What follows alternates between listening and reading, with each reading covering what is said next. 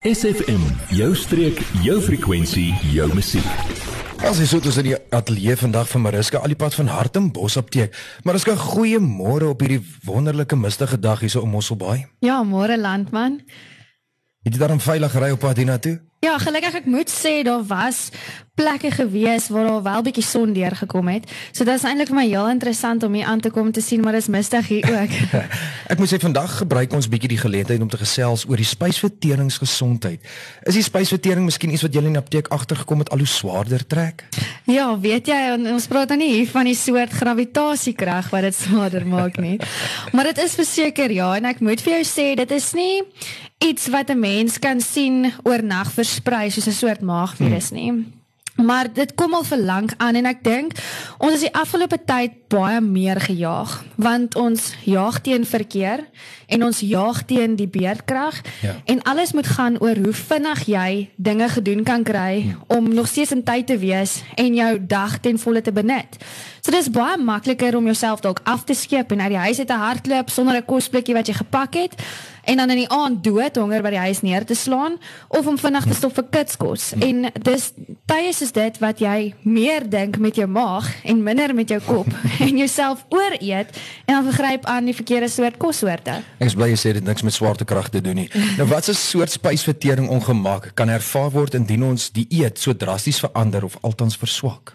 So tekens van 'n ongelukkige maag of darm sluit in hartlywigheid, opgeblaasdheid, naheid, braking, algehele ab hmm. abdominale ongemak, pyn en krampe en dan ek weet nie of ek genoem het nie, maar ook winderigheid. Hmm. En dit is eintlik maar simptome wat ons almal deeglik ons almal ervaar dit. Um En ek dink dit dit hang net maar net af van die van hoe gesond jy seker nou maar op die einde van die dag eet.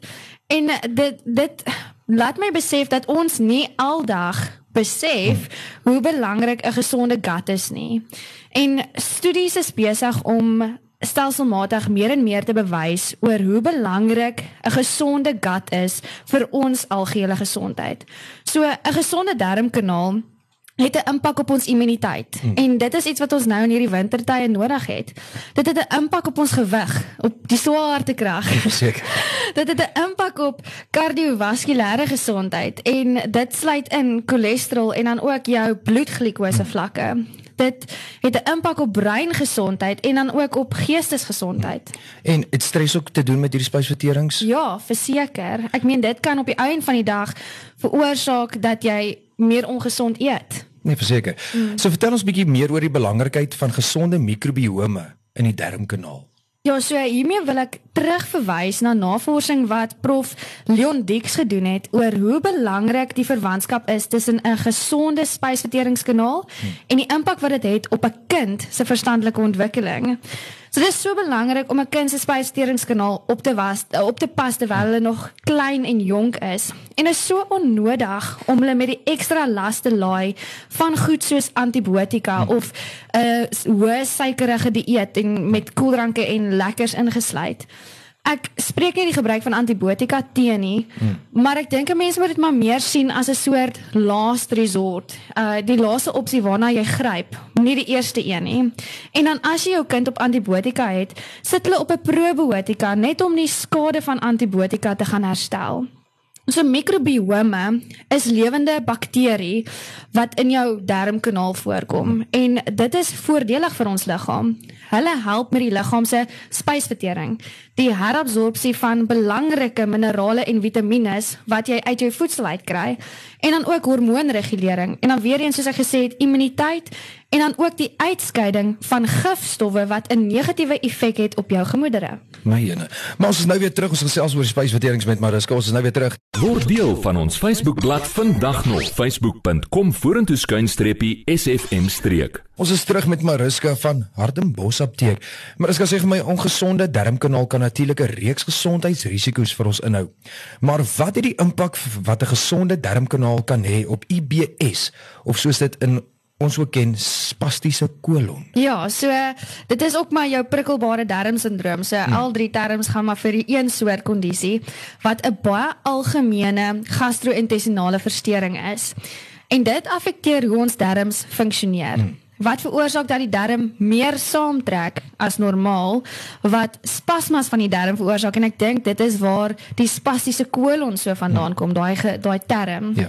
So 'n spastiese kolon sluit simptome in van abdominale pyne, opgeblaasheid, mucus in die stoelgang, ongereelde maagledigingsgewoontes soos byvoorbeeld 'n afwisseling tussen diarree en konstipasie. Ja. En dan is daar baie mense wat hierdie simptome ervaar, maar nie noodwendig dit erken en iets daarvan maak nie. Ja. So daar is 'n nie 'n direkte oorsaak van IBS nie, maar wel 'n reeks van moontlikhede wat die simptome kan voortbring ja. en dan ook natuurlik vererger. So van dit is onder andere die verstoring van mikrobiome in die darmkanaal. Soos ons voor die breek gesê het, dit is soos wanneer jy antibiotika gebruik. Ja. Um dan eksterne faktore soos stres en angs en dan selfs ook depressie het 'n impak op jou darmes. uh, Kroniese alkoholmisbruik en ook rook. Akute infeksie of inflammasie van die ingewande die eetverwante probleme soos in die gejaagdheid gryp ons net na enige iets ons eet te veel ons eet te min. Um en dan ook jou ouer mense is baie keer geneig om te sê hulle het aandete gehad en as jy vra dan sê hulle net was 'n Marie beskuitjie en koffie gewees? En dit het ook 'n effek ja. op hulle darmes so te veel vet in jou dieet suikervervangers soos sorbitol en aspartame en dan die gebruik van sekere medikasie soos methotrexaat aluminiumsoute antisiermedikasie, morfine en kodeïn wat baie mense gebruik vir pyn, die gebruik van trisikliese antidepressante, sekere antihistamiene, diuretikums en dan ook uh, sekere mineraalanvullings. So dan is jou gastro-intestinale stelsel ook baie sensitief vir hormone, soos byvoorbeeld adrenalien. So dit verduidelik hoekom sekere faktore soos angs en en uh, stres dit kan vererger. En dan ook veranderinge in die vroulike hormoonvlakke. Ek dink dit verduidelik seker ook nogal baie. Soos gedurende die menstruele siklus kan ook 'n effek hê wat jou simptome half kan vererger of weer kan initieer. So jy jy het nou gesê oor vetterige goed. So vetbiltong met vet is ook baie ongesond eintlik. Ja, ek dink daar is weer eens 'n lyn van te veel. maar ja, verseker, as as jy reeds sukkel met jou darm, moet hom nie belaai met die onnodige las van vetterige biltong nie. Okay, dit dis klink vir my goed. Nou watter simptome is mens geneig om te ervaar as jy moontlik sukkel met IBS? So ek, ek dink dit is belangrik dat mense dit herhaal, veral vir daai ouens wat ongediagnoseer uh, aangaan met die met die simptome is konstipasie en diarree of jy nou sukkel met albei van hierdie simptome of dit in dieselfde tyd ervaar. Um al, uh, abdominale pyne, krampe en dan net algehele ongemak in jou abdomen area. 'n gevoel van opgeblaasheid en winderigheid, 'n uh, ongereelde maagledigings of oop lyf wat verskil van jou normale patroon. Soeibrand, naait en braking is wel 'n rare simptoom, maar dit gebeur ook. En ons het belangrik om te onthou dat IBS simptome nie normaalweg in jou in die nag gaan wakker hou nie en jy gaan dit nie noodwendig in die nag ervaar nie. En dan, hoe kan 'n mens dit voorkom om IBS simptome te ervaar? Ja, so jy moet genoeg vesel in jou dieet insluit. So jou vinnige kitskosse moet by die deur uit gaan. Eet meer gereelde porsies en moet nie jouself uithonger en dan later weer ooreet nie.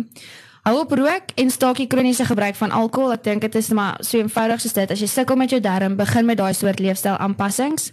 Vermy die oormatige gebruik van kafeïne en die darm hou van beweging. So kry genoeg oefening in en wie weet, dalk help dit jou met bietjie stres ook. Jy, ja jy. Nou dat ons jou aandag het, vertel jou vriende van SFM en ondersteun plaaslik. SFM maak elke dag 'n goed gevoel dag. SFM. Ek sien baie mense sukkel met hierdie volgende volgende kondisies.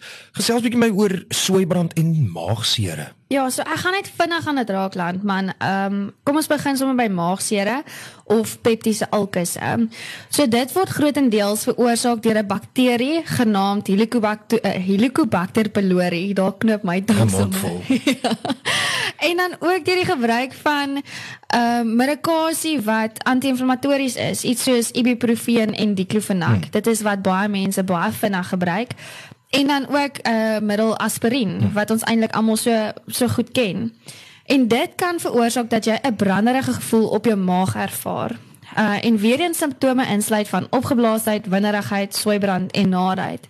En dan risikofaktore wat dit kan vererger is weer eens rook, die gebruik van alkohol, hm. onbehandelde stres en dan ook die die eet van brandkosse.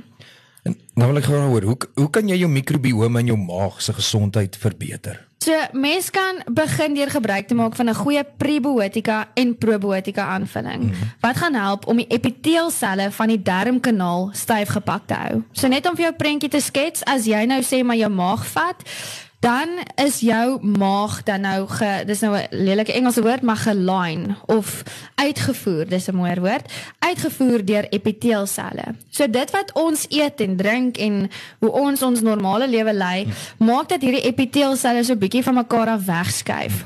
En ehm um, kom ons kom terug na dit toe.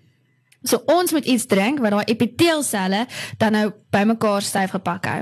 So een van die be beste bewyse van kommunikasie wat jou brein het met jou spysverteringskanaal is dat 80% serotonien in jou maag of in jou spysverteringskanaal vervaardig word. So serotonien is 'n goedvoelhormoon. Hmm. So 'n gesonde, gereelde toiletsitting lei tot die vervaardiging van serotonien. So as jy nou daaraan moet dink, as jy nou 'n goeie toiletsitting gehad het, jy staan nie op en voel negatief nie. Jy voel positief. So, die stimulasie van hierdie epiteelselle lei dan nou dat jy 'n 'n goeie serotonien afskeiding het. En dit kan slegs gebeur as jou gut gesond is en as die epiteelselle mooi styf te mekaar gepak is. So 'n oorvloed bakterieële mikrobes hou dan hierdie skadelike patogene onder beheer en laat nie toe dat daar inflammasie in jou darm gaan vorm nie of veroorsaak word nie. So maak probiotika deel van jou en jou kinders en jou kleinkinders se daaglikse rotine. Die gesondheidsvoordele is net soveel meer op jou gesondheid en dan natuurlik op jou emosionele en geestesgesondheid ook. So indien jy 'n bietjie leiding benodig met watse probiotika jy moet jy moet gebruik of jou familie moet gebruik, daar is so 'n groot verskeidenheid. Kom maak 'n draai by die apteek en ons help jou. Dis ek het gedink die spysvertering gesondheid is so groot aspek van mense daaglikse lewe wat alles daarbey kan kom nie. So maar dis waar kan die luisteraars julle in die hande kry? Ja, ons is reg oorkant Laerskool Hartenbos. Ons kontaknommer is 044 695 1510 of hulle kan ons Facebookblad gebruik Hartenbos Apteek dieet. Lekker, was lekker om saam met te kuier vanmôre. Saam met Mariska al die pad van Hartenbos Apteek. Ek hoop ek sien julle gou weer. Ja, dankie landman. Lekker dag. Adverteer jou besigheid vandag nog op SFM. Vir meer inligting skakel SFM gerus by 044 801 7811.